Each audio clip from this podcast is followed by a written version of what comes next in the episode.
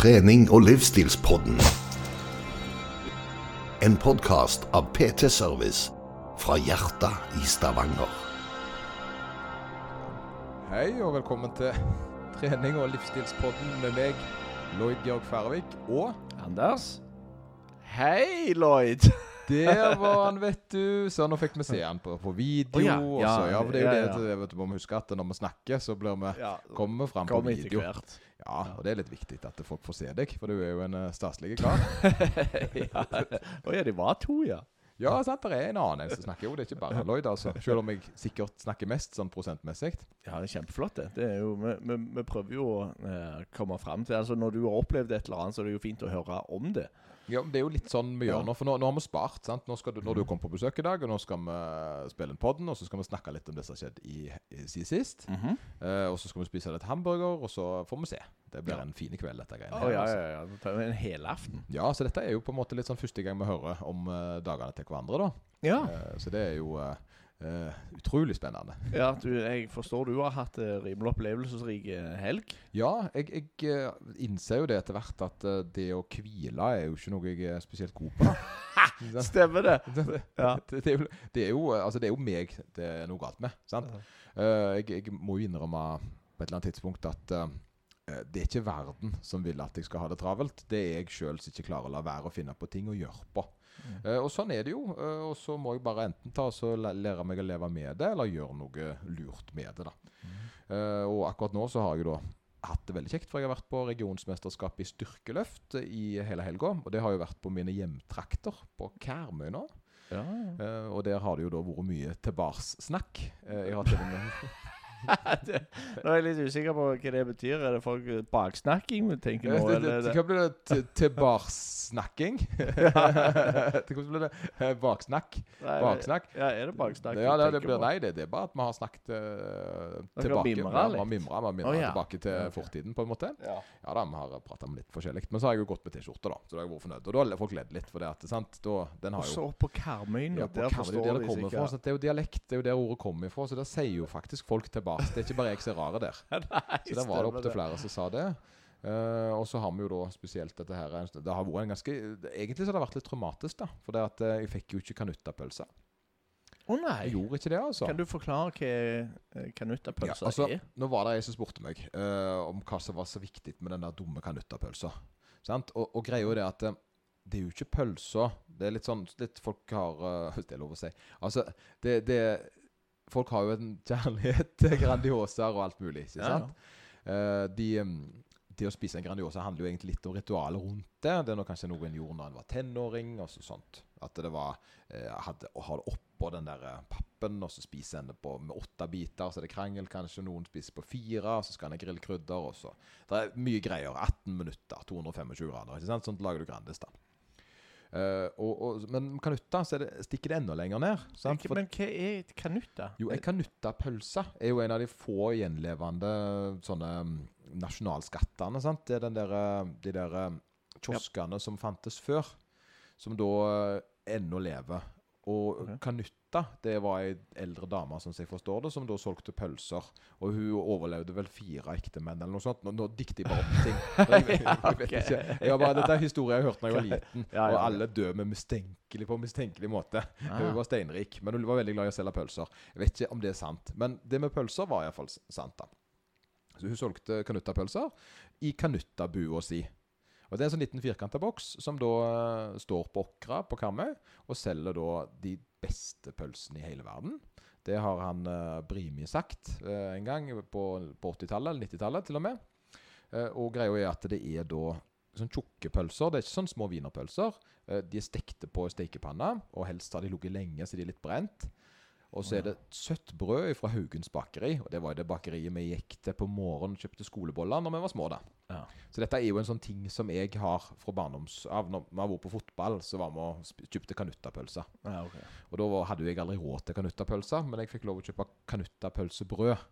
Så jeg hadde brød med ketsjup, sennep og stekt løk. Det kosta to kroner. Så da kjøpte jeg sju sånne. Så hadde jeg liksom egentlig bare ja, okay. boller med ketsjup og sennep på. Det var ja. det jeg spiste. sånn sett. Så, men um, så det var jo da Nå skulle vi jo få spise det alle som hadde drevet med styrkeløft, men det ble ikke noe av det, ser du. Fordi, eh, fordi vi åpna så seint i forhold til Når vi reiste på søndagen. Og så på lørdagen så tenkte jeg rett og slett at jeg skulle spare opplevelsen til alle på søndagen. Så jeg hadde egentlig lyst til å kjøre og kjøpe kanutta. Men så ble det jo ikke fordi at jeg skulle være snill og grei og vente på de andre. da. Så ble det jo aldri kanutta. Så det er egentlig ganske traumatisk, altså. Jaha. Ja, ja, sånn høres det nesten ut. Ja.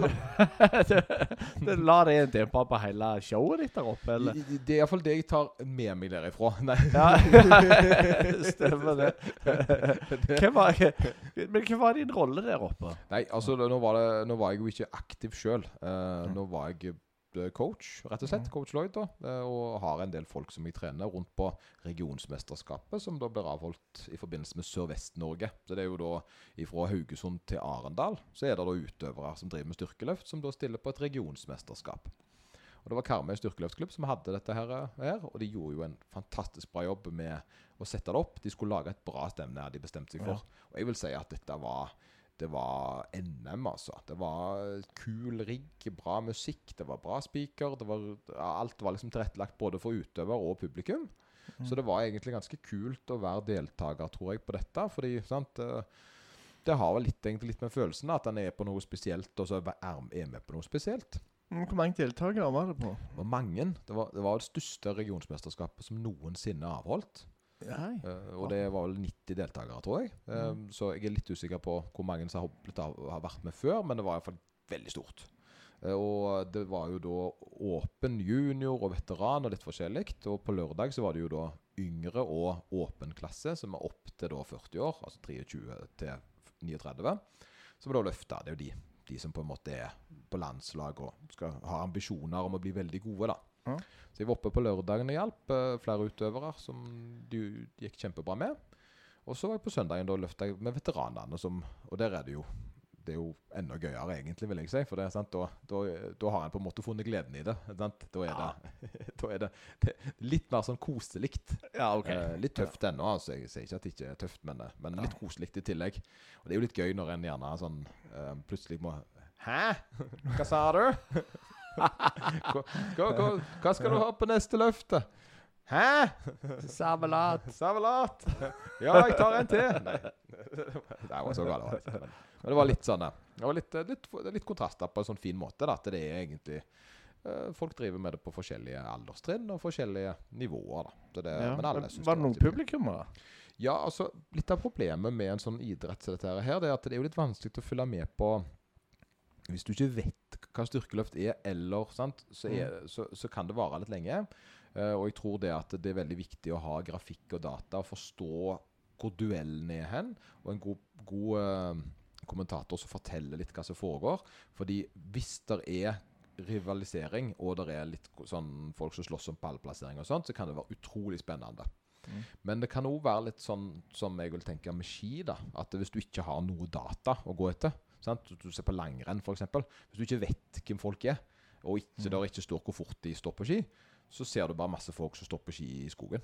Det er jo det du gjør. sant? ja. Det er ikke noe sånn OK, hva skjer her? Eh, du vet ikke helt. Du klarer, det, jeg tror fotball er gjerne litt lettere å få med seg at OK, nå er det noen som scorer, eller nå er de på vei mot mål. Mm. Mens her er det hvor mye løfter han? Hvor mye er det i forhold til andre? Det, det vet en gjerne ikke uten at en har masse data. da. Ja. Uh, og det, men det, det syns jeg de var flinke på. Jeg synes de var flinke å få fram, og det er jo noe som uh, styrkeløftene har jobbet mye med. Det å få fram bedre og bedre informasjonsflyt, sånn at folk ser litt hva som skjer. Det er, det er jo viktig at folk skal når, jo, mer, jo mer en lærer om det, og jo mer kunnskap en får, jo, jo mer spennende er det. da. Ja, en del andre sporter, eh, og noen så Jeg vet ikke om du kaller det sport, eh, men sjakk, for eksempel. Det, det er jo, Vi hadde jo han Magnus Carlsen. Og vi har sikkert andre eh, norske ganske store der òg, men jeg følte at han var iallfall med og fikk dette ganske mye på kartet for ganske mange nordmenn som ikke har sett voldsomt mye på sjakk før. Ja, ja, men jeg tror jeg har en, faktisk en liten idé på hva, hva som gjør det. Ja. Og jeg tror det, det som er litt med nordmenn er veldig glad i, og dette vet jeg ikke om kanskje alle land er, men jeg tror vi nordmenn er veldig glad i folk som er Altså når folk er gode. Ja. Sånn, Når vi er gode i noe. Det er litt kjekt. At det med lille Norge viser seg at de er gode i noe. For det ser jeg jo plutselig så var jo friidrett veldig spennende òg. Og, det, og Før har ikke det vært noe interessant, for det har ikke vært noen gode nordmenn. Det har jo det, men ikke på det nivået som er nå, da, der det er Ingebrigtsen og alle disse andre som kommer og gjør det bra på en internasjonal scene. Mm. Der det er gjerne Norge i sommer-OL har liksom ikke vært en plass Norge har gjort noe særlig, men plutselig så ble vi litt bedre der. Og det samme er det med sjakk. Når vi har en, en av verdens beste sjakkspillere, så det er klart at da blir det litt sånn prestisje i det, da, på en litt sånn norsk nasjonal... Altså at vi blir litt stolte. Ja, altså Det jeg lurte på, var egentlig ikke uh, altså Magnus Carlsen. Jeg lurte på Hvis vi hadde hatt en Magnus Carlsen innenfor uh, styrkeidrett, tror Ja. du dette kunne bidra til å få til enda mer Uh, Ja, det tror jeg. Men, Ja. men no, personligheter selger billetter. Mm. Uh, og av og til så får vi sånne. Og vi har jo hatt mange av de. Eh, vi har hatt ganske mange kule navn. eh, og det er en som jeg husker veldig godt fra min reise inn i styrkeløftene, er jo Karl Yngvar Christensen. Eh, Karl Yngvar, liksom. Han, han var jo, ble jo verdensmester. Han, og han var jo så, så sterk, og han løfta så fint. Og det var så eksplosivt, og det var så lett. Og Mm. husker han løfta tror det var 485 kilo på knebøy. Det var jo en eller annen verdensrekord. På hjemmebane på VM i Stavanger. Sant? Altså Publikum sto jo i taket. Det var, det var så, var så eksepsjonelt. Og det å være der og oppleve det Mm. Så av og til så dukker det opp noen sånne som, som bare stikker seg litt ut, og bare blir med en fight. Men vi har jo masse sterke jenter som gjør en kjempejobb eh, internasjonalt. Hun eh, eh, og Nå kommer jeg ikke på hva heter, men Marte, altså Marte Elverum, eksempel. Hun er jo en, hun, hun litt sånn karakter, gjør det litt spennende og er med og slåss om gull og alt mulig. Og det er klart, når, da blir det kjekt å følge med på, samtidig som hun viser passion og løfter. Mm. Eh, og vi har en lokale gode løftere, som, eh, som eh, Marte Tjelta f.eks., som dette var med på VM, som var med på regionsmesterskap og løfta her. Ja. Og det er klart, da blir det jo litt kult. Jo, jeg, det jeg forstår og det, så Vi har ganske mange gode løfter, og vi har sinnssykt med sterke folk. Men når vi gjør det såpass bra, altså både nasjonalt og internasjonalt, hvorfor, hvorfor er det ikke flere følgere da, på en måte? Ja, jo, det er den. Ja, det, det virker jo som om nordmenn kan forelske seg i annen idrett enn fotball. Ja, ja. For vi har jo begynt å se på friidrett. ja, så, så kanskje plutselig sjakk. det blir Og sjakk, ja. Mm. Så kanskje plutselig styrkeløft kan bli en sånn idrett som uh, Men, men eh, Jeg husker jo til og med Det, det, det er et par år siden nå. Men vi var jo voldsomme på å kikke på curling. Vi hadde jo Ja. et curlinglandslag som gjorde det bra. ja, gjorde det bra, sant? Da, vi kjører curling i dag. Ja, og jeg tror litt av problemet til styrkeløft har vært at de har ikke vært så gode på eh, Det har vært en litt sånn lukka sport, føler jeg. Uh, for eksempel, hvis det er ikke så lenge siden du kunne se på live NM. At det har vært litt vanskelig å få ut video. Eh, for det, det er noe med det å skape en eh, presentasjon. Og når det blir bra presentasjon, og det blir video og gode spikere som klarer å ta med seeren på noe spennende, så blir det plutselig litt vekst i det. Og så hvis en da klarer å få sponsorer inn i dette greiene her, så, så begynner det å bli, å begynne å bli penger i det. Så begynner det å vokse, og så blir det mer og mer proft, og så blir det mer og mer appell. Og, da, og, og det en vil ha, er jo personligheter. En vil jo bli kjent med folk som en kan heie på. For det er hvis masse ukjente folk løfter tunge ting, så, så For eksempel er strongman. Ja. Kjenner du til noen eh, som holder på med strongman nå? Uh, så holder på med jeg, Litt grann flaut, for det, det var det, Jeg snakket akkurat med lillebroren min om dette her. Han ringte til meg i dag, og han Ja. hadde snakket med uh, en som hadde fått sølvmedalje i strongman-konkurranse. Ja, på Bryne sikkert nå? Ja, han- ja hadde Det er kult. Mm. Og så, men jeg husker ikke navnet hans. Uh, men uh, navnet på de som holder på nå, det husker jeg ikke. Jeg husker når det var Når det var i vinden, for vi hadde jo en fra Sirdal som var med på dette. Ja, vi hadde en, og hva- det er Arild Haugen. sant? Ja, det er jo det alle vet om. Arild Haugen. ja, ja. Og Arild Haugen, hva var det han var? Han var god, men han var òg en karakter. Ja. Og han hadde den der eh, pakken som gjerne gjorde at det ble appell. Og jeg husker jo, uansett hva du syns om Du, du fulgte jo med. Ja. For du ville jo jo nysgjerrig på hva som kom til å skje. Det var, det var han, han klarte å lage den der eh, interessen rundt det. Og, det, og jeg tror det at det, eh, det, For altså produksjonen er jo ikke blitt dårligere, og det er jo masse kule folk som driver med strongman nå, men det er gjerne noen som bare trollbinder folk, og så plutselig blir det sånn. Mhm. Husker jo Ingebrigtsen har jo alltid Da de kom med bartene sine og alt sånt, og det ble jo De begynte jo litt der, da. ja. Begynte litt, og så var litt unorske. ja, for jeg tror ikke de hadde de plasseringene som de har nå. Nei, de var ikke så gode da. Det er jo han mm. yngste som har eh, virkelig vist seg å være den beste løperen. Og de var jo gode, de andre òg. Og herregud, altså, det er jo en idrett som mange driver med. Ja, ja, ja. Eh, så så det, det, jeg tror eh, at vi har noen så gode uh, som da klarer oss å hevde seg på den for vi har, men altså, vi har så gode både innenfor altså nå, s- sommeridrett, altså løping, og så har vi òg, sånn som jeg forstår det, så gode folk innenfor styrke, så eh, er det da eh, Vi mangler egentlig bare å få se personligheten til de som Ja, jeg tror det at det, det, det, blir- at det blir tilgjengelig, og at Promotering. det, og promoteringa kommer. Og det har det blitt òg. Sånn, VM er jo kommet på er det BBC eller Eurosport. Og, Ja. det, og da blir produksjonen deretter. Da begynner det å bli spennende å se på, syns jeg. Da er det folk som forteller hva som skjer, og da får du plutselig den der Å, hvis han løfter det, så kommer han i ledelsen. Og alt dette her som gjør å, å, å, sant? Og så alle velger, altså, velger sin favoritt, selv om de gjerne ikke forstår reglene så godt. Så ser de at dette var bra, eller dette var dårlig, da. mm. Ja, det tror det, det, Men det er noe med presentasjonen også. Så når regionsmesterskapet var så kvalitetsfullt, så vil jo de, de gjerne Så satt det noen ungdommer i salen da og så, så på dette greiene her og tenkte dette det var kult. Hadde det vært mer sånn lunkent fjasegreier der ingen, som ingen tok på alvor, så hadde det gjerne ikke vært den samme appellen. Men en føler jeg skal stå på den scenen en gang. Sant? Og da kanskje det kan være en sånn en, eh, en sånn boost. Så jeg er veldig for Jeg har alltid tenkt det sjøl. Jeg husker når vi lagde klubbstevner, f.eks. på eh, der jeg drev eh, før. da Da jeg lagde til det, så prøvde vi å simulere at det skulle være proft. Det skulle liksom ikke være noe sånn halvveis. Når folk kom, så skulle de føle at de hadde deltatt på noe. Eh, Selv om det bare var et klubbstevne. Det var at vi hadde skjermer, og jeg prøvde å filme og lagde litt ut av det. Og, og da, får du, da sitter de igjen med noe etterpå, og så sitter en igjen med noe, noe som en kan vise til venner, og så får en på en måte den appellen. Mm. Så jeg tror at, eh, jeg tror, jeg, tror at styrkeløft definitivt har potensial, og spesielt når vi har såpass mange gode dopingfrie norske. Ja, ja. For de er dopingfrie. Mm. De er, sant? Det er jo, det, og norske er jo sterk, blir jo dopingfri. Det er liksom det som er mottoet deres. De blir testa masse. Eh, Og de har en veldig god holdning og moral, og jeg fronter mye antidopingkampanjer og er er forbilder, syns jeg. da. Mm. For en tror gjerne at en er nødt til å dope for å bli sterk, men sannheten er det at det, det er genetikk, kontinu, kontinuitet på treninga, og vilje og forståelse, at en får hjelp. Det er litt sånn, altså, Hvis det er en, en person som er flink å lære vekk, Mm. og en som er flink og, ta, altså, og har talent for noe, treffer hverandre, så er det jo større sannsynlighet for at det blir noe. Og det er det gjerne når du melder deg inn i en styrkeløftklubb. Så vil gjerne den personen som kan få det beste ut av deg, være der. Mm. Eller hva som helst annen idrett. sånn da. Ved en som har talent, vil den automatisk ha en dragning mot den sporten han har et talent for? Ja, det tror jeg. Ja. Det tror jeg altså. Men jeg, jeg tenker at eh, Jeg tenker der med en gang at en ikke nødvendigvis Da er en sterk eller eksplosiv. Så en Mhm. har flere muligheter. Det er ikke sånn at en har et talent for uh, disko. Han har, han har et eller annet i seg som kan gå det, det, er, det, er, det, det er ikke bare én plass en kan gå når en har et eller annet en er god på. Er en veldig høy, f.eks., så må det ikke være basket. Det kan jo være masse andre idretter som kan passe. Mm. Kan thaiboksing, kan volleyball. Sant? Det kan være Og så er han tre meter høy, så selvfølgelig. Men, eh, men jeg mener at det, det kan være mange veier å gå, da. Ja. Eh, Og hvis en er veldig rask så, sant? og har den eksplosive kroppen der, så kan en finne på å gjøre ganske mange retninger mot det.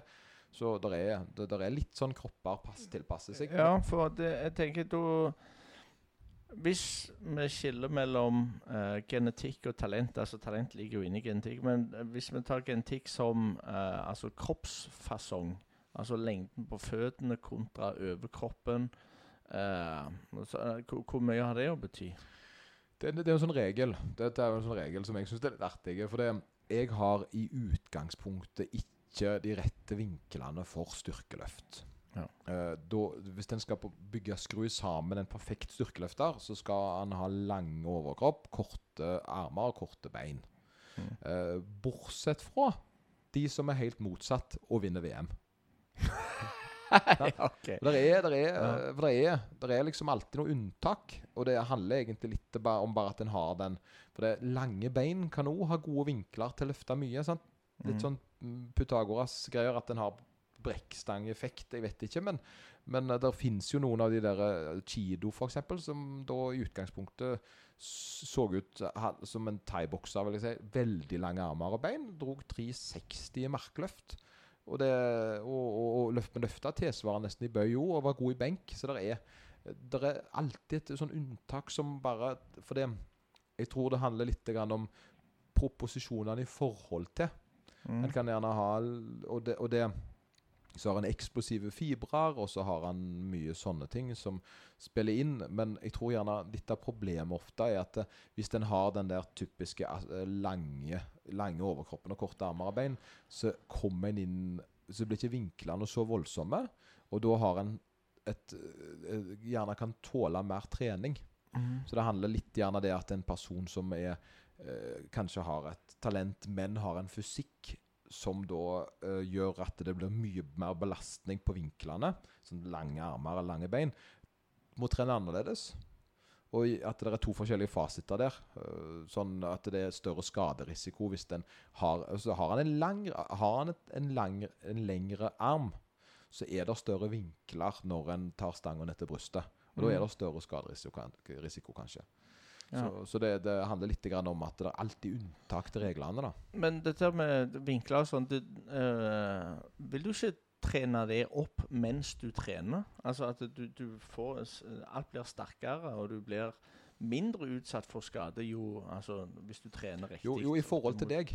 Ja. Så, så alt er bra i forhold til deg. Det, det, Mm. og det er, litt, eh, det er litt sånn at en, eh, en ser at en har At en må ta det i forhold til sine. Selvfølgelig en person som en, en person vil ha bedre av å trene uh, sin egen eh, Å styrke sin egen kropp og vil tåle mer. Men det finnes kropper som tåler mer juling enn andre, rett og slett basert på at de ikke har det samme vinklene når de løfter.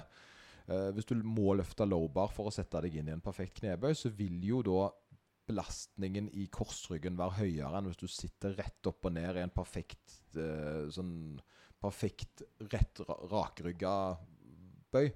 Ja. Og, da, og, da, og da uansett hvor sterk en er, så vil en alltid ha større belastningsgrad enn eh, enn noen andre. da. Ja, akkurat. Men det, vil det da si at det, det, altså, eh, de aller fleste kan konkurrere? Altså, så lenge de trener riktig? Ja, ja, for en vet ikke. Mm. Jeg vet ikke, sant? Ta, ta så Prat litt, grann, så skal jeg fikse noe. For jeg ser Ja, det var masse lys på deg her. Ja, ja, nei, jeg kunne bare tatt på meg solbrillene. Dette har gått rimelig greit. Nei, uh, for min egen del så uh, Hvis jeg skal måle meg opp imot andre, så ser jeg jo at uh, Jeg tror ikke jeg hadde eh, kun konkurrert på, på samme vis Og det er pga. at altså, kroppen min er bygd opp sånn som den er. Og jeg ser det på hoftene mine når jeg prøver å bøye meg ned og sette meg ned.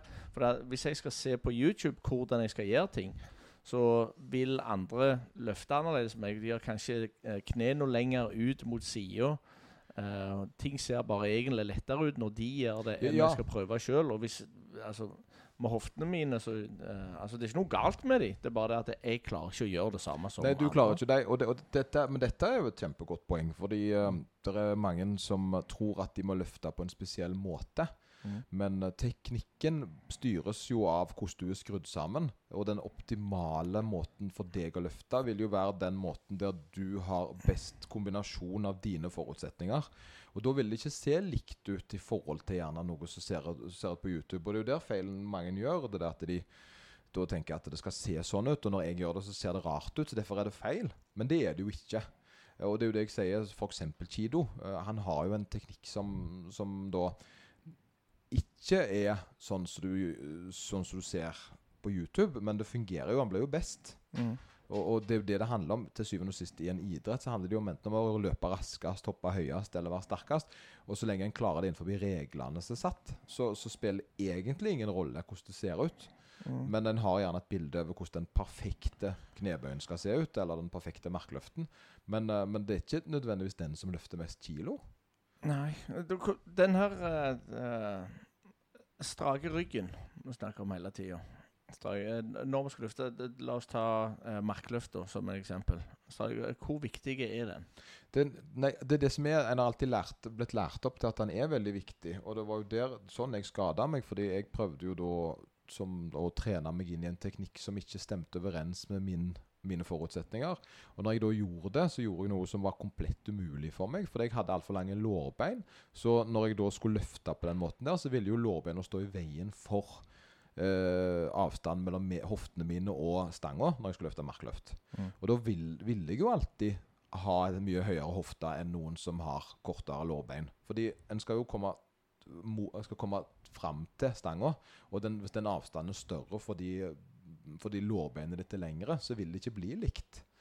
Og da, og da er det klart at da var det alltid feil.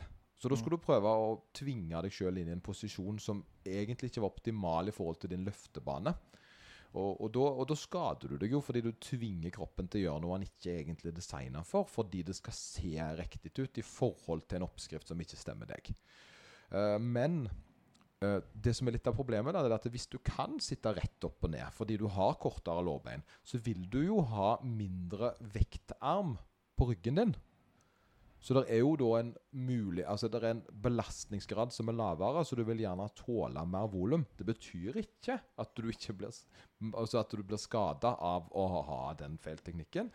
Eller feil, da. sant? Ja. Uh, men det betyr bare det at det er gjerne en forskjell på hvordan du skal trene, og den andre personen skal trene, for å optimalt få til ting i forhold til seg. Mm. Og det, og det er jo gjerne noe som eh, For noen, noen blir det sånn de tar på stang på ryggen, og så er det kjempenaturlig, og så er det perfekt teknikk. Ja. Og det er jo da fordi at de har forutsetningene og mobiliteten til å sette seg ned, og så er det riktig fordi de er skrudd sammen sånn. Så har du andre folk som må holde på i ti år før de får til noe som passer sin kropp. Så det er så det er forskjell på folk. Og når du da sier at jeg tror ikke det eh, Jeg vil jo være sterkt uenig i deg, for jeg ser jo hvor mye du faktisk klarer å trene deg opp til mens du gjør alle disse andre tinga. Du er jo sterk i forhold til både vektklasse og alderstrinn i en idrett som du ikke konkurrerer i. Når vi måler deg opp i en idrett du ikke konkurrerer i, så er du god. Du er en av de beste i landet sånn hvis, du skulle, sant? hvis du skulle løfte det samme i konkurranse som du gjør på trening. Og det- er klart, En skal jo møte opp og gjøre disse tallene. ja. Så, så da, da blir det sånn Da blir det gjerne litt feil å se at den ikke Og du fokuserer jo ikke, du satser jo ikke på det heller. Du trener for å bli sterkere, selvfølgelig, ja, men så driver du med løping, og så gjør du alt annet. Og så er det, Mm. det er mer sånn Dette trener du i forhold til å, å få en utvikling. Mens Mm. andre satser alt all in, og det er klart Og det, det er litt der eh, det handler om, dette her med å ville noe. Fordi det én ting er med programmet, og én ting er jo da med genetikken og forutsetningene og sånn, men så er den viktigste, absolutt viktigste detaljen for å bli kjempe, kjempesterk, det er det at du skal ville, og du skal tro på deg sjøl. og jeg Mm. tror det at uh, hvis du virkelig, virkelig, virkelig tror på noe, så har du en større sannsynlighet for å få det til enn hvis noen ikke tar det så veldig alvorlig. Mm. Og det ser jeg. Jeg ser det på, på RM når folk begynner å grine etter de har klart løftene sine og sånn, at de har hatt en mental kamp som var høyere enn de som syns det var helt OK å være med. ja. Det er gråt og tårer og følelser og alt mulig. sant? Og det er gjerne noe som er innøvd, at en bygger det og kommer inn til det etter hvert. Men jeg tror en skal, jeg er litt sånn at en gjerne en må gi seg sjøl lov til å ha passion for noe. Mm. Det tror jeg er litt viktig. At en ikke, det er noen som ikke Nei, jeg er ikke så god, så derfor er det ikke så viktig. Ja, men ikke tenk Mm. sånn. Tenk heller eh, hvor god kan jeg bli i, i min lille verden, da. Ja. Så du òg, du, eh, du gjør masse, mange ting. Altså Du driver jo med styrkeløft, du driver med løping, og du har svømming og sykling. Eh, hvis du har lyst til å altså, konkurrere eh, på styrkeløft f.eks., hvor mye av de andre Må du ofre noe av de andre for å bli flinke på Ja, hvis jeg skulle nå Hvis jeg skulle nå eh, Altså, hvis det, oppskriften nå var OK, nå skal Lloyd bli så god han kan i styrkeløft. Hva skal jeg gjøre? Eh, det første jeg hadde gjort, var jo lagt uh, iallfall løpinga på hylla. Ja. Rett på hylla. Og da mener jeg eh, helt, eh, fordi at det, det lar seg lite kombinere for meg. Mm. Um, jeg kunne gjerne beholdt eh, litt sykling, fordi det er greit å ha kondisjon. Svømminga kanskje få litt eh, restitusjon. Eh, at det er litt bra for skuldrene og litt sånt. Mm. Uh, og så hadde jeg spist meg opp. Ja. Jeg hadde spist mye. Jeg hadde ikke veid eh, 88 kilo lenger. Jeg hadde iallfall veid 105, og jeg hadde, men jeg hadde trent styrke da, sammen mens jeg hadde spist, spist meg opp i vekt, for Mm. å fylle ut ramma mi på best mulig måte. Og så hadde jeg selvfølgelig trent eh, tre til fire ganger i uka og spesialisert meg eh, på øvelsene som jeg skulle bli god i. Og, og da, men nå har jeg måttet gått inn i bobla og virkelig vært en styrkeløfter. da. Mm. Uh, det betyr ikke at jeg ikke bryr meg om å bli sterkere nå, men jeg må, jeg må legge den her um, hybridpersen på at det er Ja, det er jeg løfta så mye, og, men jeg kunne, kunne sikkert løfta mer hvis jeg ikke hadde gjort det og det og det. Men det, det, jeg syns ikke det skal være et påskudd heller. Eh, jeg, løft, jeg er så sterk som det jeg klarer å løfte akkurat nå. Mm. Jeg kan gjerne skryte av det jeg har løfta før, for det syns Ja, ja. jeg en har lov til. Mm. En har lov, Ja, det er klart til, det. en har lov til det, føler jeg. At det er mange som, uh, som uh, syns gjerne at en er bare så sterk som en er akkurat nå. Men, men det er ikke rettferdig. Uh, en må gjerne ta OK, hvor sterk var jeg før? Men det er gjerne ikke det, er, det, er gjerne, det, er litt, det er gjerne ikke noe en går rundt og skryter med. Men det, det har jo skjedd. Ja. Uh, men jeg, jeg tenker at uh, for min del nå så er det Jeg må sette pris på det jeg får til i forhold til alle rammene jeg er i. Og så har jeg, hadde nok ikke hatt lyst til Altså, la oss, la oss være ærlige, da. OK. Slags forbindelse skulle jeg hadde jeg satsa fullt hvis jeg ikke hadde slitt med så mye skader? For, det, styrker, for det, det har vært litt med dette med hoftene mine og sånn. Jeg har hatt mye problemer fordi jeg er skrudd sammen litt sånn. Og da, det har vært nå syv-åtte operasjoner som, som egentlig ikke er vanlige skader å få. Jeg, jeg vil si det at em, det er ikke bare fordi jeg er dårlig til å trene. Noen har ikke den samme forutsetningen til å drive med noe, fordi kroppen deres er ikke optimal for det. Eh, sånn som jeg er nå, så klarer jeg å kombinere styrkeløft og alt det andre, og, holde holder meg forholdsvis skadefri. Mm. Eh, og da er jeg jo veldig glad og takknemlig for det, og jeg tror mye av grunnen til akkurat at jeg kan At jeg holder meg skadefri, er fordi jeg gjør alle disse tingene samtidig, faktisk. Ja. En, men uh, en som trener opp imot konkurranse kontra en som bare trener hardt, uh, er det voldsomt stor forskjell i treningsprogrammet deres? Uh, av og til. Men jeg, jeg, tror det, jeg tror gapet nå er blitt mindre. Jeg tror veldig mange som bare trener for seg sjøl, har blitt veldig flinke til å så få med seg, lese seg opp og lære hva som er den optimale måten Mm. mot sine mål. Jeg tror folk er mye mer målbevisste nå enn før. Eh, Jeg tror folk er litt mer kunnskapsrike. Rett og slett De har muligheten til å få veldig bra pga. internett, selvfølgelig. Eh, Men at de jo er flinke å spørre og grave og finne folk som de gjerne ser opp til i forhold til sin grein, og så fisker de ut info derifra. Så jeg tror eh, Men jeg, jeg er ganske sikker på det at det finnes ikke så mange som sitter rundt om i treningssentre i Norge og løfter mer eller tilsvarende enn det de beste gjør. Og det må jo være for sant? Det det hadde jo vært litt rart. Ja. Fordi da, da hadde jo Styrkeløft Norge for eksempel gjort en stor feil. Hvis ikke det var der de beste var. Hvis de Mm. beste var utenom idretten, så hadde jo det vært veldig rart. Ja.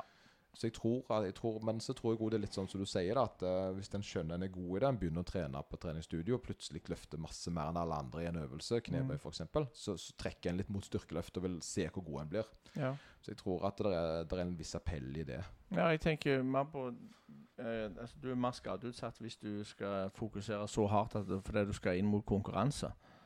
Altså eh, Du skal konkurrere. eh, du trener mye, derfor er du mer skadeutsatt. Men en som bare trener hardt, og skal ikke konkurrere, men han trener fortsatt hardt.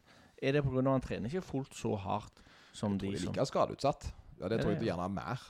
Ja. Det vil jeg si. Jo, jeg tror, jeg tror de er mer skadeutsatt faktisk hvis en bare trener. For det, tingen er ofte det at når en driver og trener mot konkurranser, så har en gjerne på og av altså Da er det veldig systematisk. En trener jo for å nå et mål, mens Mhm. gjerne hvis en ikke har det konkrete målet, så blir det mer sånn I dag tar vi makstest og ditten datten og gønner på og prøver oss litt fram. Jeg tror, jeg tror det er liksom Når en er under et opplegg og drive og trene mot f.eks. så en skal bli så god som overhodet mulig, så har han som oftest noen som følger seg, og så jobber en gradvis mot det målet ved hjelp av da øh, systematisk opptrening og visse milepæler en hele veien tar. ja. Det tror, tror jeg, jeg tror egentlig det, altså. Jeg, men Det er ikke lett å si, men, men igjen eh, Da sammenligner vi jo litt at den som er sterkest, er jo gjerne den som løfter mest. Og de Mm. som løfter mest, de har jo gjerne prosentmessig til høyest belastning i forhold til hva de er i stand til. Så da vil jeg tro at eh, det, altså, det er ikke så lett å skade seg hvis du løfter 30 kg som hvis du løfter 200.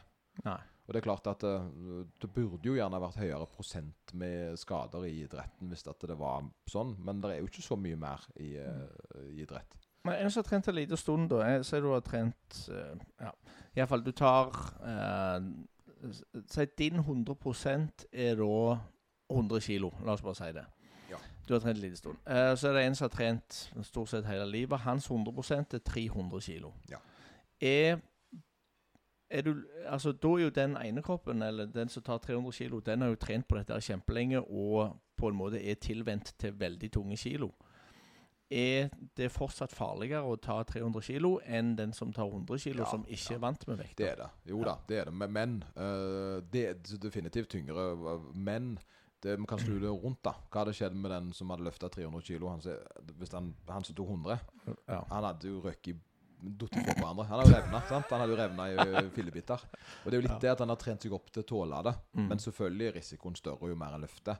Eh, men, eh, men ikke sånn at det jeg, jeg, for skjønne, for det er litt sånn Jeg kan ikke si at uh, jeg, får skjønne det du sier jo. D- en person jeg, jeg, jeg er litt sånn Jeg er litt var for å svare, for det eh, Jeg tenker Hvis genetisk potensial på en person mm. er 500, og han er kommet seg til 300, mens genetisk potensial på en annen person er 500, og han har kommet til 100, Mhm. så, så er det jo en forskjell. Eh, men, men hvis den ene personen har et genetisk uh, potensial på 100, og den andre har 300, så vil det jo være en At det er så, så jeg tror det er litt sånn veldig eh, Det er jo noen som aldri skader seg, uansett hvordan de løfter. henne. Ja, er jo, Noen kropper kjører enn andre. ja, ja, Andre. rett og slett. Og det tror jeg har litt med vinkler å gjøre. Og så har jeg litt med smerte, smerte å gjøre. Ja, vinkler, teknikk. Teknikk. Og, og det, er veldig, så det er veldig vanskelig. For akkurat det med å beskrive Den som kan forklare hvorfor folk får vondt, og hva de skal gjøre med det Den Og har jeg har akkurat sett massevis av episoder og dokumentarer om Oxycontin. Ja, der er Det Men- har vist seg å være løsninger på smerte. Du, men det, det- dette er noe Nå vil jeg ikke komme med noe jeg vet, men noe jeg lurer på. Mm. Eh, og kanskje du vet det. Eh, men, men om oksykotin om, er, det, er det smertestillende eller er det Det er smertestillende. Det er Det, det, er et opiat, eller Ja. morfin... Det- ok. Ja, opiatpreparat. ja, for det, for jeg husker jeg, jeg måtte jo ta det i forbindelse med en skulderoperasjon. Ja. Uh, og, og det var jo den uh, lykkeligste dagen i mitt liv. Ja. Eh, Det, det, jeg, nei, jeg, jeg har lagt bak til deg òg. Jeg var på sykehuset, og da det var uh, hodepine, eller voldsom, og da fikk jeg Det var noen blødninger, jeg hadde noen greier. Men jeg fikk iallfall. Det var noen smågreier. Ja. jeg fikk, jeg fikk Da fikk jeg uh, morfin.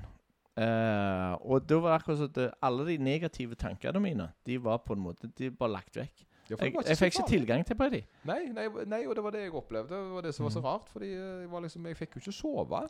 Jeg måtte jo sitte, for jeg kunne jo ikke ligge og sove fordi jeg hadde operert skuldre. Mm. Terningkast seks. ja. Satt på Instagram og så skrev Ja, ja. til folk bare Altså, jeg kødda ikke. Jeg så Kristoffer Eikeland. 'Å, så fin han var på håret.' Sant? Skrev det, la, skrev på Messi.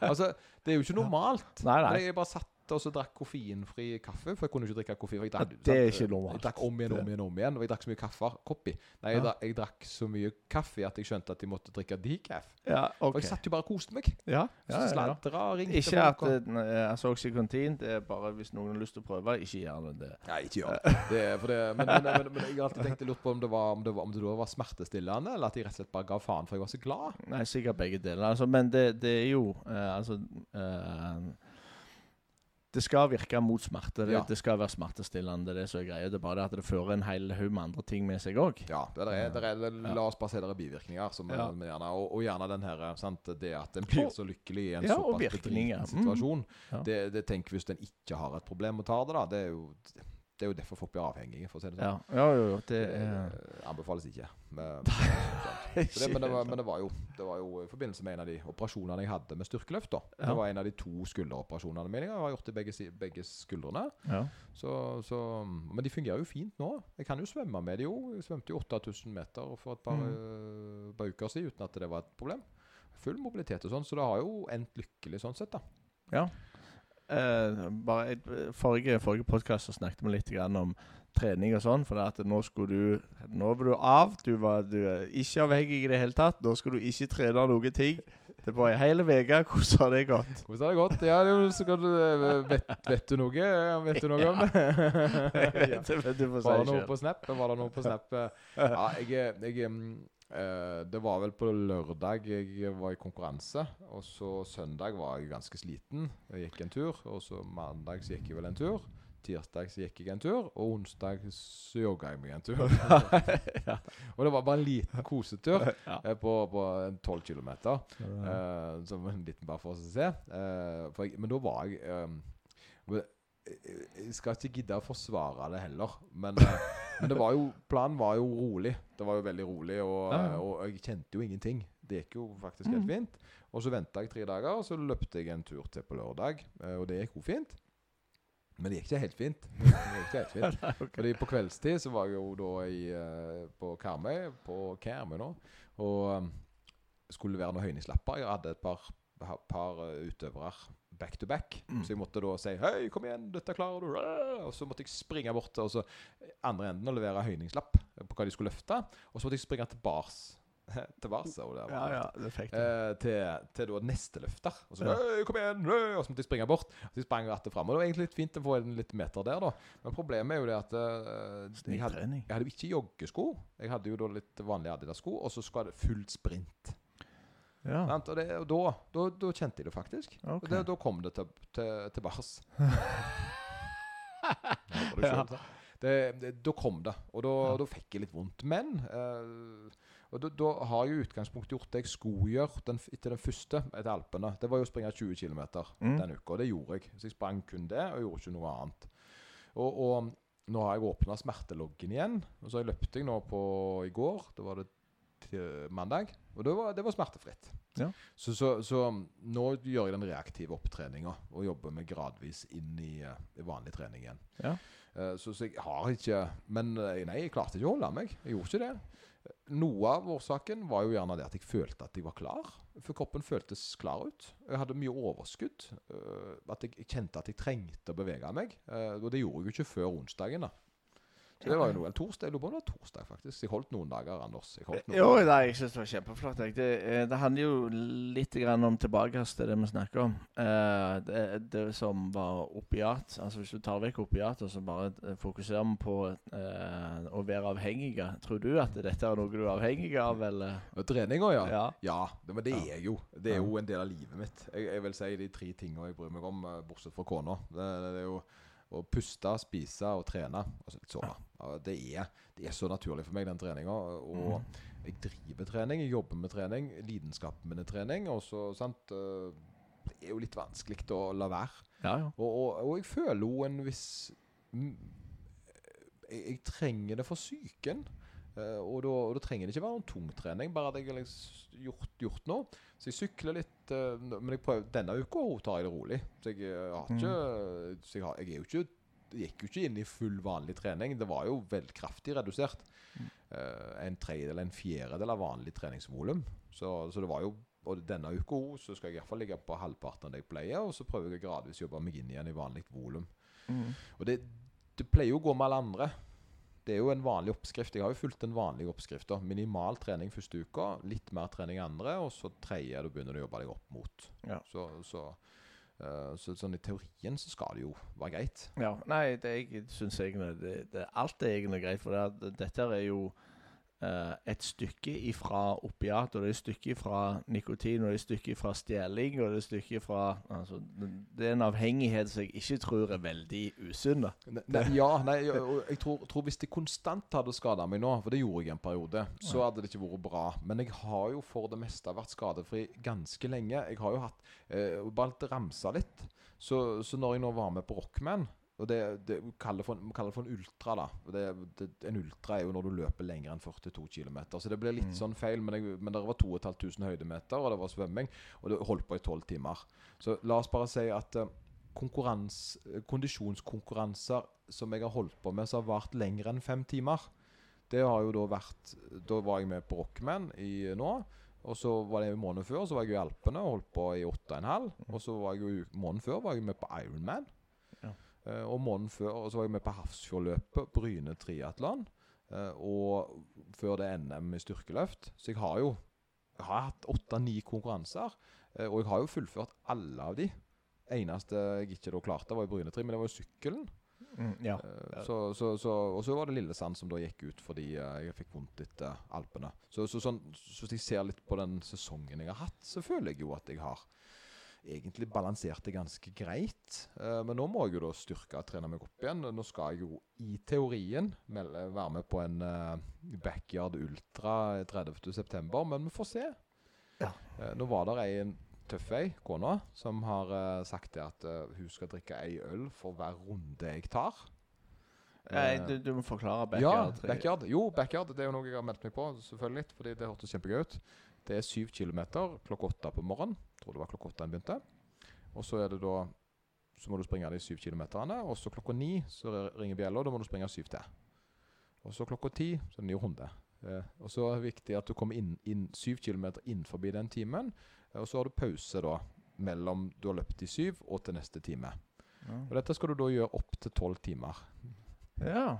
Da blir det jo 84 km. Ja, er det halvliter hun skal drikke, eller Jeg er litt usikker på hva slags sorter øl hun har. eh. Har du lov å kjøpe øl til henne, eller kjøper du det sjøl?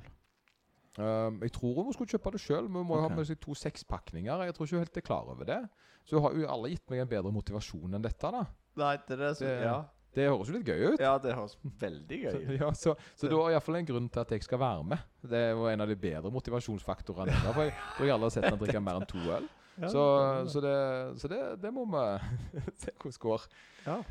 Vi må Ja. ta, ta litt grann annet. Vi kan ikke bare snakke om Nei, det. jeg tenkte Ja. litt mer For du, du, tre, du har jo dette her at du går all in ganske ofte fordi at du er med på mange konkurranser og sånn. Tidligere når jeg trente, så var det på en måte Det var full retard hver, øvel, eller hver gang jeg var på treningssenter. Men hvor ofte er det du skal ta skikkelig i? Er det noen regel på det?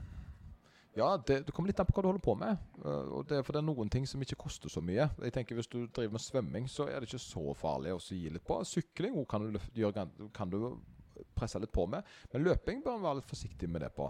Det er jo den feilen veldig mange gjør, og så er det ingen som hører på meg. uh, Og så sitter jeg uh, da med folk og reparerer det etterpå.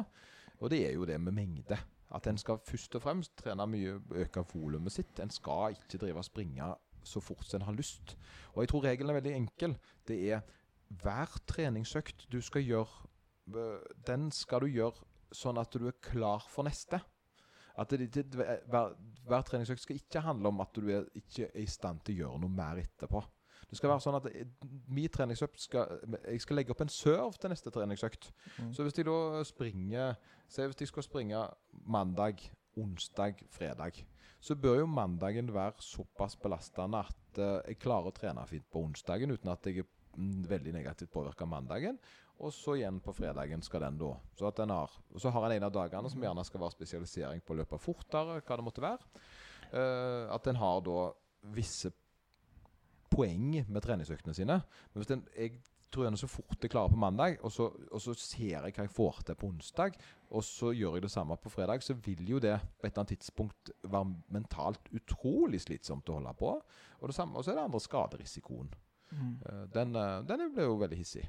Ja, jeg tenker på de som er med i styrkeløft. Eh, altså, da tenker jeg på hvor ofte makser de, og hvordan er opptreninga rett før de skal på stevne. Jeg tar det litt inn i sånn treningsfilosofi. eh, fordi vi har jo vært veldig konservative med, med, med, med treningen i Norge ganske lenge. Og det med volumtrening, at en skal ikke gå, gå så langt ut. Og nå, var, nå er jo mye backup av akkurat det at en, eh, en skal, kan godt ligge et par reps i reserve per sett når fokuset er styrke og ikke hypertrofi. Mm. Uh, og det har på en måte vært det greia. Og, og det er jo Studiene stemmer jo fortsatt der.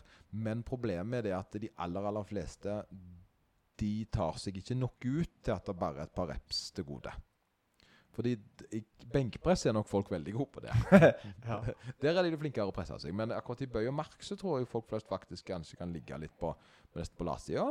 Uh, og spesielt bøy, tror jeg er. Og der er det sånn Og det merker jeg når jeg booker den her Vitruve, den som måler velocityen min. Mm. Det, Åsmund var jo innom og forklarte litt om det. Men, men når jeg da måler fartreduksjon på løftene mine, så merker jeg nesten alltid at det er mentalt Det stopper mentalt før jeg egentlig har uh, slitt meg ut.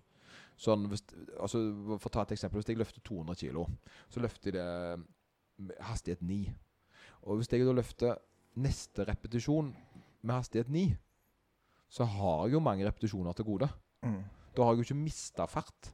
Og det, det, det er et tegn på at her er det ikke noe slit ennå, men mentalt så er jeg allerede gjerne sliten. Så hvis jeg da løfter 9998, så har ikke jeg tatt meg ut på hvor raskt jeg løfter. Og det er sånn jeg kan se det, og da, og da må en uh, erkjenne gjerne at en ikke tar seg helt ut, selv om en psykisk gjør det. Og da må en trene på det, da.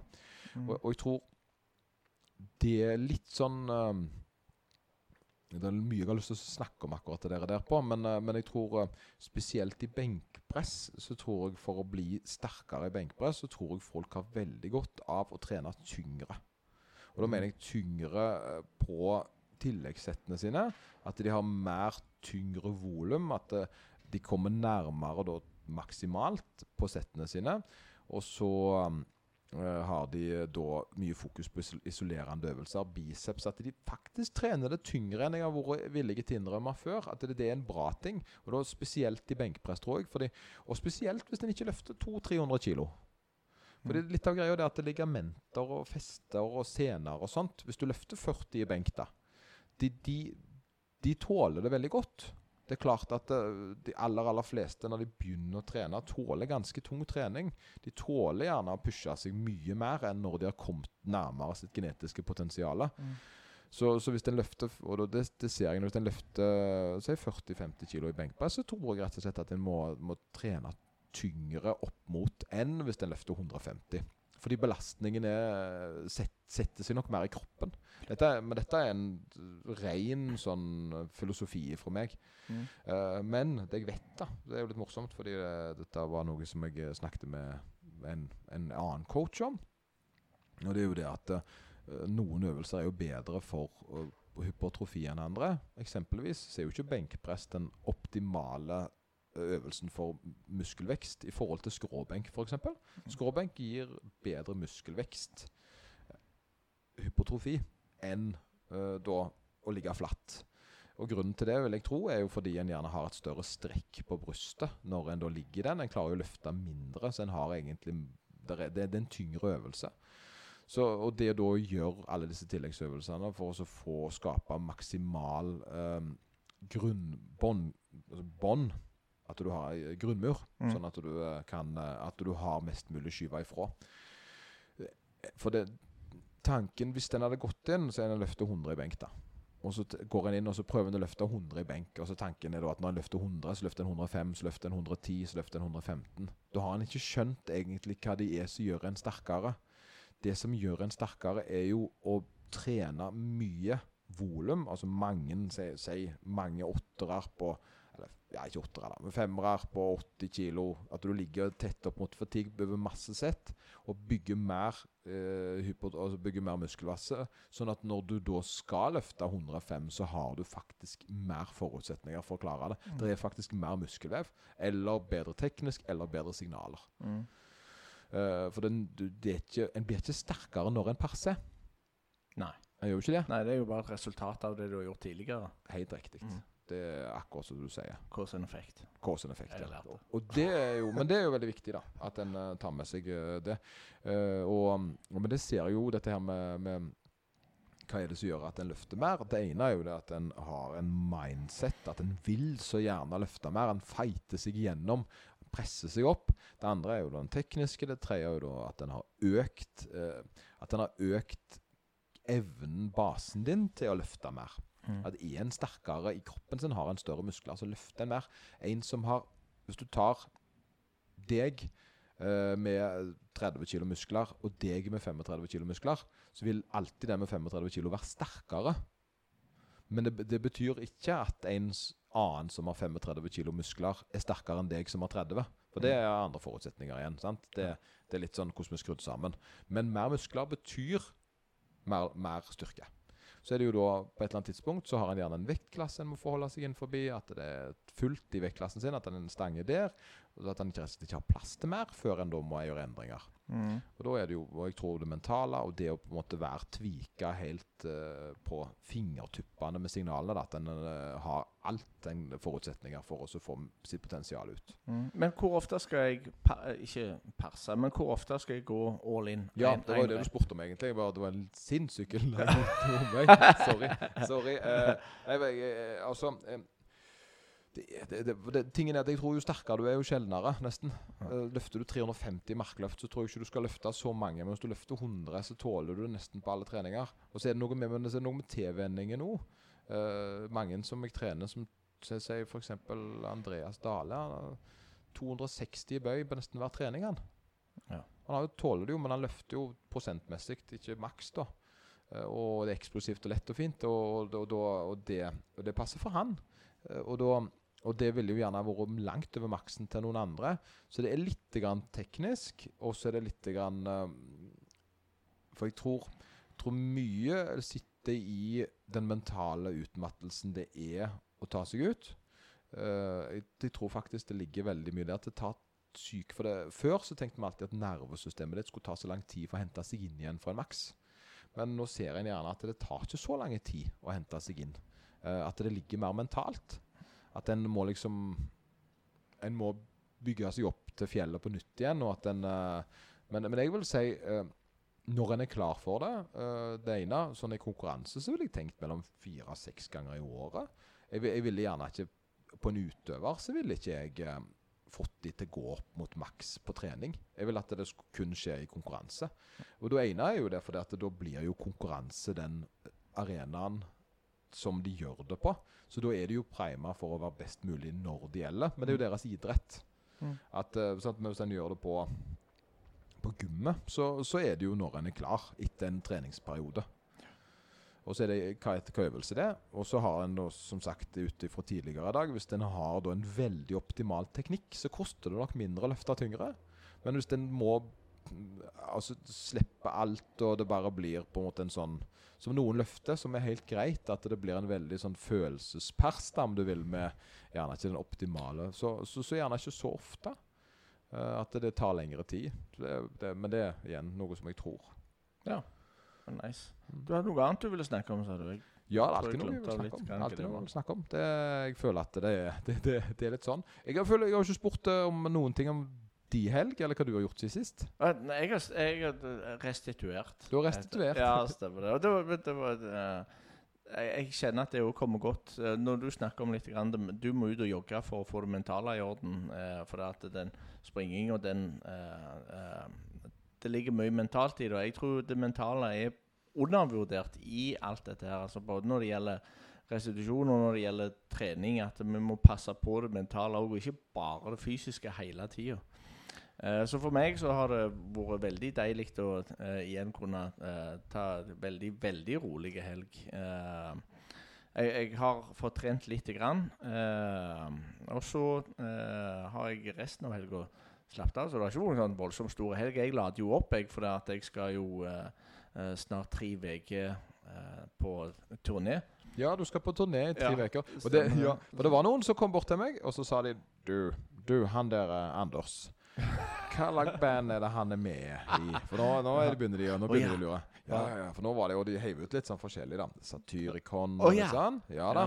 Og det var lokalt. Og så sier nei, du må ikke lov å fiske, sier jeg. Du du må enten komme med et konkret tipp Ja, gjett, er eller så må du. Eller så må du Eller så får du ikke feedback her. Får ikke noe gratis. Men jeg viste den videoen av bare publikum. Oh, ja. Eh, for, det jo, for det var jo Det var, var litt trøkk i det Ja, publikummet. det, det var Eh, men det er ikke noe mer. Bare Nei, publikum. Ja, det, er lov, det er lov, da det. det men det er ikke, det er ikke Satyricon og det er ikke Dimmu Borgir. Det, det, er ikke- det er ikke så heavy.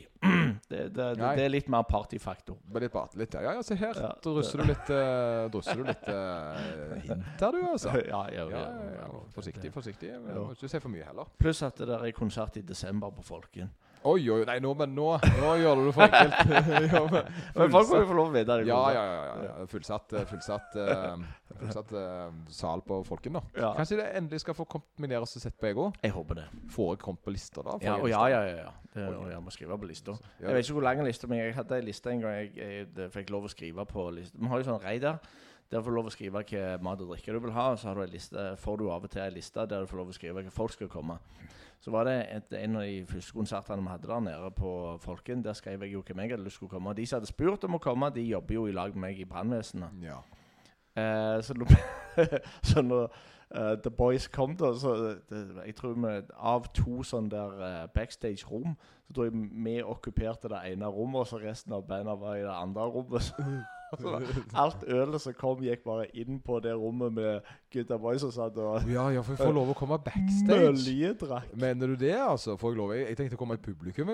Ja, jo, jo, jo, men du må nok sikkert komme bakom. Så Nå skal ikke jeg love for mye, for det at jeg, jeg ødela nok en del sjanser med å dra guttene backstage, for at det ble litt Det ble litt heise, for å si det sånn. Ja, ja, ja, men Det- kanskje jeg, vi får se det. Ja, ja, det, ja, ja, det, det Men jeg regner med det skal gå fint. Ja, jeg, jeg, jeg er ikke så bråkete, tror jeg. Eh, sånn, sånn eh, Ja, nei, nei, langt derifra. Det skal godt gjøres, det tror jeg. eh, ja. Men, men, men det da Desember, ja, OK. Men andre, andre viktige Hva gjør vi med kanuttapulser? Eh, det må vi jo finne ut et eller annet. Jeg føler jo det er en ting som må skje før uh, At vi må spise Du knyttapølse? må spise Ja, jo, jeg altså. kunne veldig godt tenkt meg det. Nå har jeg jo Ja. hørt om han, så Ja. det, for meg så Jeg har aldri hørt om det før, så jeg fikk jo plutselig bare sånne der uh, voldsomme forventninger til det her Ja, ja, ja, ja, ja, men jeg syns at jeg, altså, det, Jeg satt Du kan ikke an å kjøpe i butikken. Nei, Nei. og det er ikke det samme. du. til- Det er, ja, det går ikke an. Altså, det blir sånn, ja altså, Om det folk hadde levert det til Stavanger, det, det er ikke det samme. For. Det handler jo om å gå bort til de gamle damene og så velge seg ut ei pølse òg. Oh, ja. Ja, og så pakker de den til deg, og så sitter du på sånn gammel benk på sida av. Så det, det er ikke bare pølser, det er opplevelsen der. Er Nesten sånn, men Ja, du får alt. Du får alt der, ser du. Og så sprayer de på majones og gode greier. Og så eh, Og det er så det er, ikke, det er liksom ikke Det, det er greia, dette her. Det, det er, du får ikke det på Mac- away på McDonald's. ja. Det er, Du skal stå der skal du fryse litt, og kanskje det regner i tillegg. Perfekt. Og så skal du sitte og hutre, og så skal vi spise denne pølsa. Det er perfekt. Jeg har vurdert å sykle opp. Det er ca. 100 km, og så spiser jeg en tre-fire pølser. Det bør være tilsvarende kalorier. Og så sykler jeg hjem igjen. Men vi får se om det blir eh, Roadtrip, det er ikke så langt. Nei, det er ikke så en halvannen time, så, så det, det bør være Altså, det sånn livs, Livsstilgreier Det handler jo litt grann om det psykiske òg. Ja, Ja, og Passe jo- på litt. Grann. Jeg tror det at hvis, eh, Anders, hvis vi gjør det, så kan jeg legge det som, som business expense. Eh, fordi det blir jo gjerne en rapport, da. Ja, Reportasje? Ja, ja. Liten reportasje. Stemmer liten uh, liten uh, liten Kanuta spesial.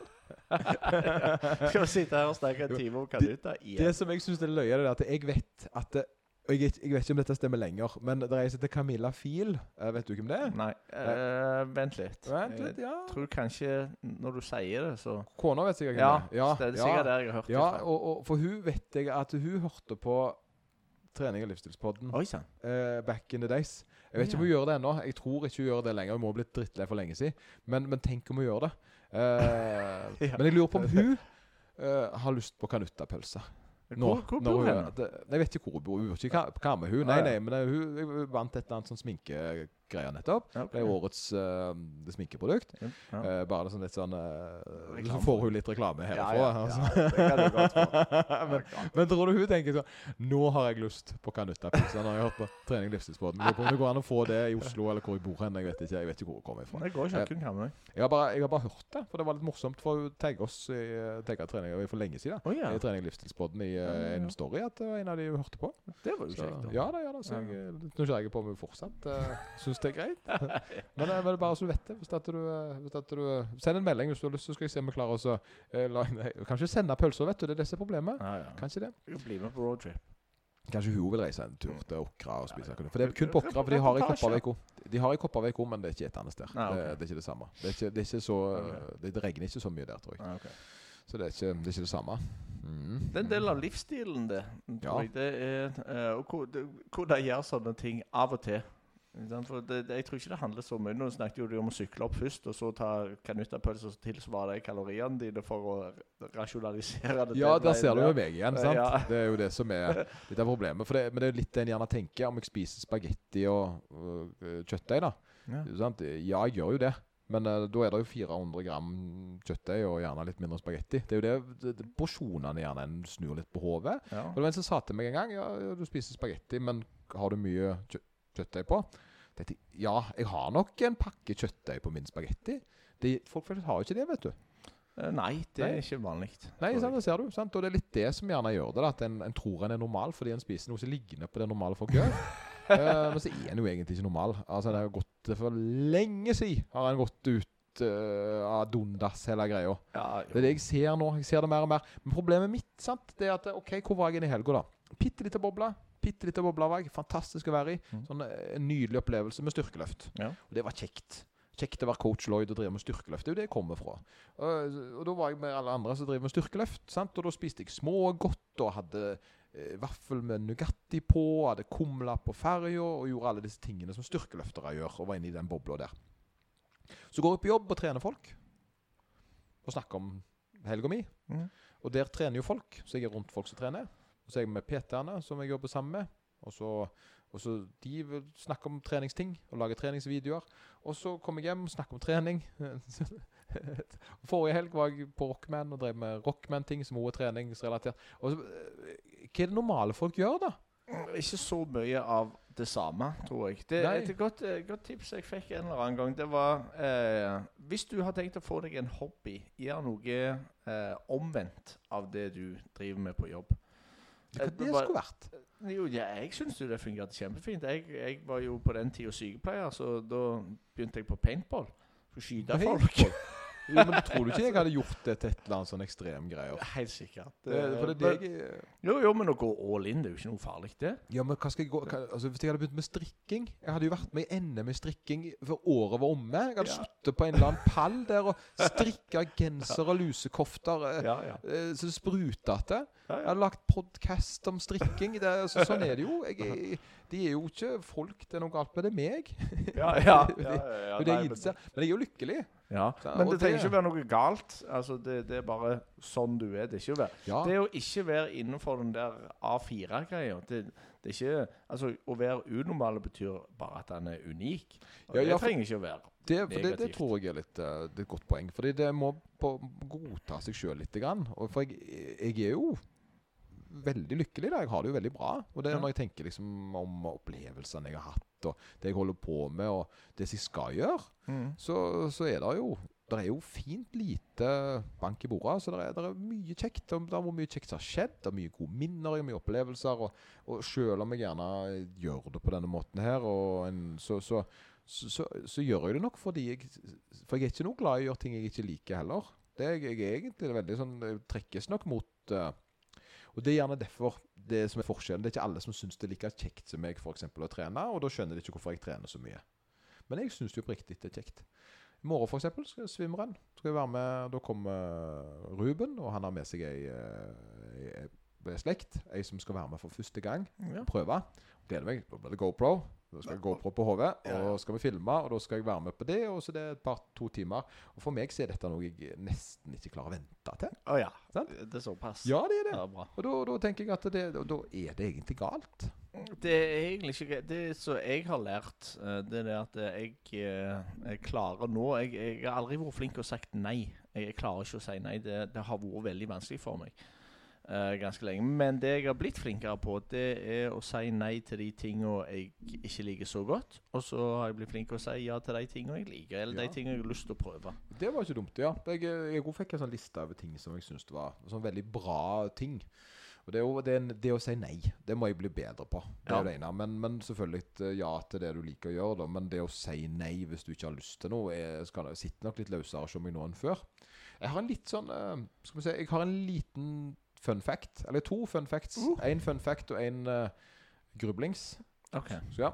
Eh, jeg Hva skal hva kommer først her nå? Kommer jeg vet ikke, fordi det, det har ingenting med saken å gjøre. Jeg bare kom på det. For Ok. jeg vil, liksom, Vi holder jo på å avrunde. Vi pleier jo å lande på 1 time og 15 minutter. Ja, vi- nærmer oss. Så, så, men jeg, jeg kom bare på noe som jeg har lyst til å få med. Um, og det er jo dette her vi har snakket om før, men jeg vet ikke om du har hørt om Satiety Index? Uh, Metthetsindeks. Ja, metthetsindeks. Mm.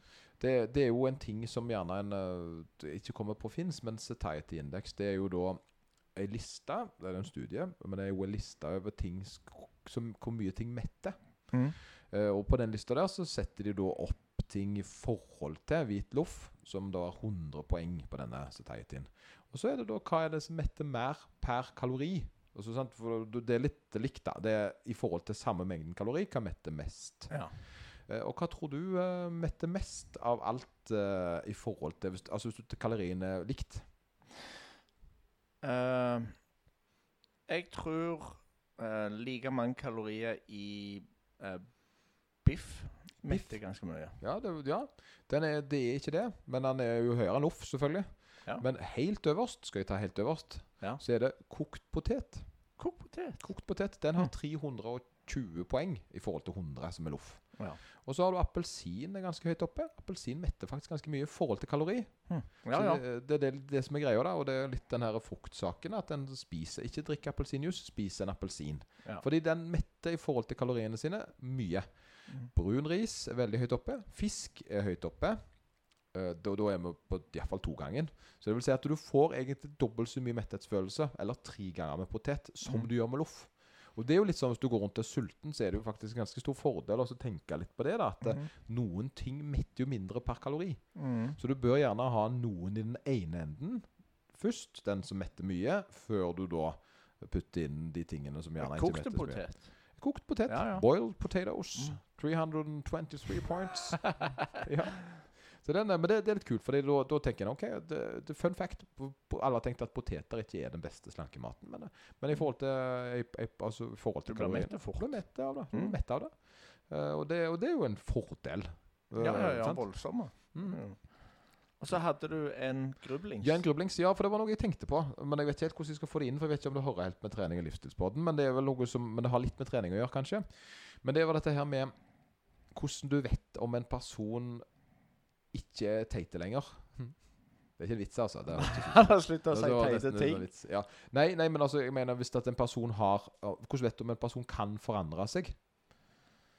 Eh, Nei, jeg ser jo for meg at alle kan forandre seg, men pass. Ja, men jo, men, Kan jeg ringe en venn? Ja, ringe en venn. Jo, ja, ja, ja. ja, ja. en venn. Ja, nei, nei, men det er litt sånn abstrakt der, da. Men, men jeg syns bare det var så fint, for det var noe Det var egentlig en ganske god forklaring. Fordi det er noen som gjerne blir litt lurt, da. Lurt av folk som sier de har forandra seg og sånn.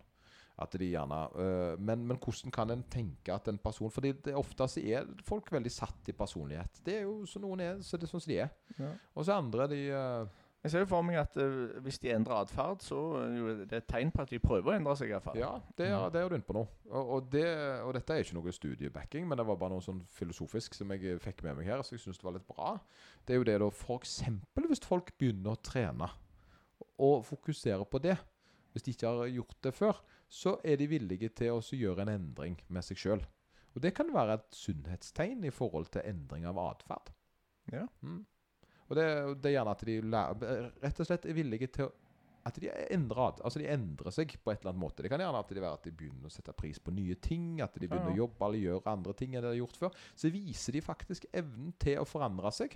Men hvis de er, gjør det samme, ser like ut og jobber og altså ja. At livet deres er tilsynelatende helt likt som det var når de ikke Mm. var greie, da, så er det nok en liten sannsynlighet for at de håper på forandring, men ikke ennå har kommet i gang med det. Og det. Jeg vet ikke helt hva en skal bruke den informasjonen til, men det var i hvert fall... ikke, hvis du personer en teit person som trener, da For det, det fins det òg. Hvis han slutter å trene, det er et godt tegn. Ja, ja kanskje.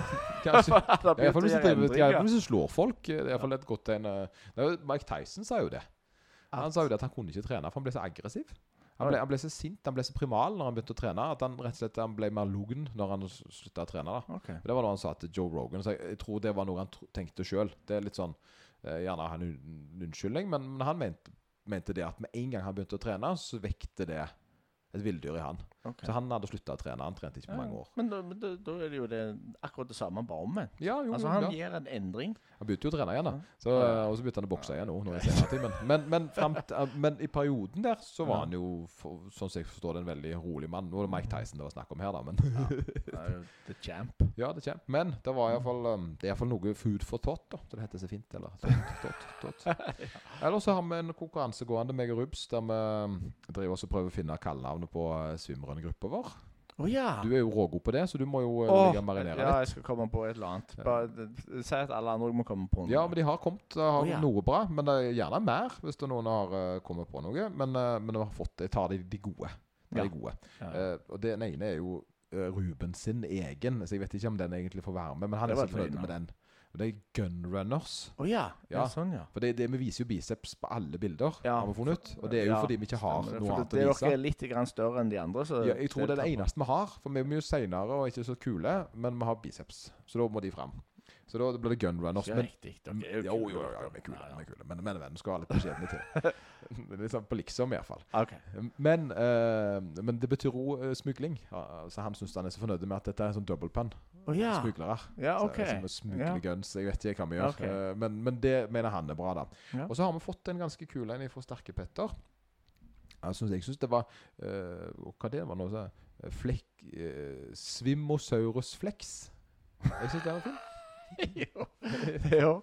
Det syns jeg var ganske kul. Ja. For det passer jo i forhold til at vi svømmer og eh, at vi flekser. Så det ble liksom en eh, Det er en dobbel betydning. ja. Og så har jeg jo den der kallenavnet til min datter. Hun er åtte år, og dette kalte hun ikke Dette var hennes navn når hun skulle finne navn på eh, Roblox. Og det er Baconlover123. OK. Og det er så koselig. Ja, jo, Så- det var koselig. Jeg har lyst til å hette det, jeg. Jeg har lyst til å hette Bacon Lover 1, 2, 3. Ok, Eh, jeg tenker bare, for, Men det må være Bacon Lover 1, 2, 3. For at alle, sant, alle de andre 122 var opptatt. Kjenner du? Det, det er litt ja, sånn. Ja, Og da blir det litt koselig. Eh, For du kan ikke hete Bacon Lover 69. Det går ikke. Nei, og ikke 1-2 heller. 1-2 heller, nei. Men, uh, men Ruben mente at Bacon Lover 89 var lov, da. Og da er det litt sånn hotmail. Eh, det er litt sånn Å ja, ja, ja. ja. Bacon Lover 89. det var mye bra. Men eh, vi må få lov å tenke på det. Altså. Ja, du må tenke på det, for du, du er jo god på dette. her Du er jo kjempegod på å finne kule navn. Så, så jeg gleder meg til å se hva du klarer. Ja, altså Hvis jeg eh, finner på et eller annet som vi har lov å ha med på podkast, så, så tar vi det neste gang. ja, ja, det, ja, jo, jo, men vi er jo Av og til så fyrer vi en til med litt, Ja, okay. syns jeg. Ja, men vel lov. Men nå er det snart helg. Da blir det, det er utgangspunktet en rolig helg. Det blir Ja. jo da med ungene, så det gleder jeg meg til. Ja. Da skal det bli uh, Itzø og Outland og Burger King og alle Ja. disse tingene. Ja, jeg setter pris på. Så det blir sånn det rolig, fint. Uh, teorien iallfall. Ja. Uh, håper du har ei flott helg. Ja, jeg kommer til å ha en nydelig helg. Det er, det er litt jeg skal gjøre. Jeg skal være med, være med og filme og lage intervju og sånn. For de holder jo på å lage en flerbrukshall, og så skal vi samle inn penger. Og da skal vi intervjue folk, og så skal vi lage en sånn spleis. Ja, ja, det så jeg Sabrina og, mm. holdt på med. Ja, ja, ja. ja. jo Kato, samlet inn, og dritflink jo å samle inn mye penger allerede. Ja. Men skal samle inn enda mer. ja, så kjekt. Mm, det var jo lage- uh, Skal jeg få lov å være med og lage en video? Oi, Mm. oi, oi. oi. Mm. Ja, ja, men det må du, det, må du, det, det er du god på. Så det, så det, må du bare gønne på, og så Mm. gønn- på. på det. Yeah. ja. Men, nei, men eh, hvis, hvis noen har lyst til å sponse flerbrukshallen i Oltedal, så er selvfølgelig det, det er bare å fyre på. sant? Det, det Ja, blir- ja, ja, ja. Det er jo kjekt for dere hvis dere får en skikk Altså, det, blir bra. Ja, men, det. ja det, og det, det, går faktisk eh, Alle de pengene som kommer inn, de går direkte til treningssentrene. Ja. Ja. Så du får ei, eh, ei eh, Hva det heter Mer eh, bedre helse på befolkninga der inne. ja, men det er fantastisk. Det er flott. Det er Mm. Det, men det syns jeg vi kan prøve. Så det, det, er noe vi støtter opp i. God sak. God sak. Det er en god sak.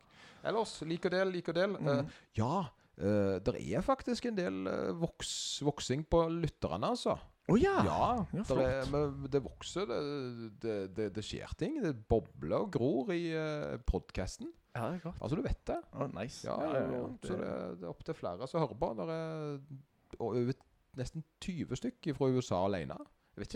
Så hello, American friends. Uh, really cool that you're listening to De, de hører Ja. sikkert norsk. De må Nei, ja, norsk. de, de hører Jeg eh, Jeg har mulig jeg har snakket med et par av dem For i forbindelse med dette bandet her, Ja. så er det et par fra Amerika som har fått med seg at eh, jeg er på podkast. Oh, ja. Og så har de lurt på hva podkast dette her er. Men kan de norsk, de? Nei. Nei, så Det de hører de på, ikke. men de hører på likevel. så men jeg sier ikke det at alle er det, men et par, jeg har fått tilbakemelding fra et par av de at de har vært inne og sett podkast. ja, ja, men jeg syns det. Det er litt kult med America. Så, så hvis noen er fra America og hører på, uh, send oss en melding og fortell eh, litt om Så tar vi og snakker litt om det på Ja, en episode. Jeg syns det er litt kult. Ja, ja, ja. Det, det, det, er sånn, det er sånn Radio 102, er det ikke det? Ja, det, er- da, da er vi på. Nå kjører vi radio.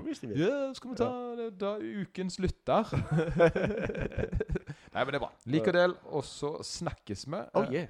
God helg, Anders. God helg. Snakkes. Kneppis. Eller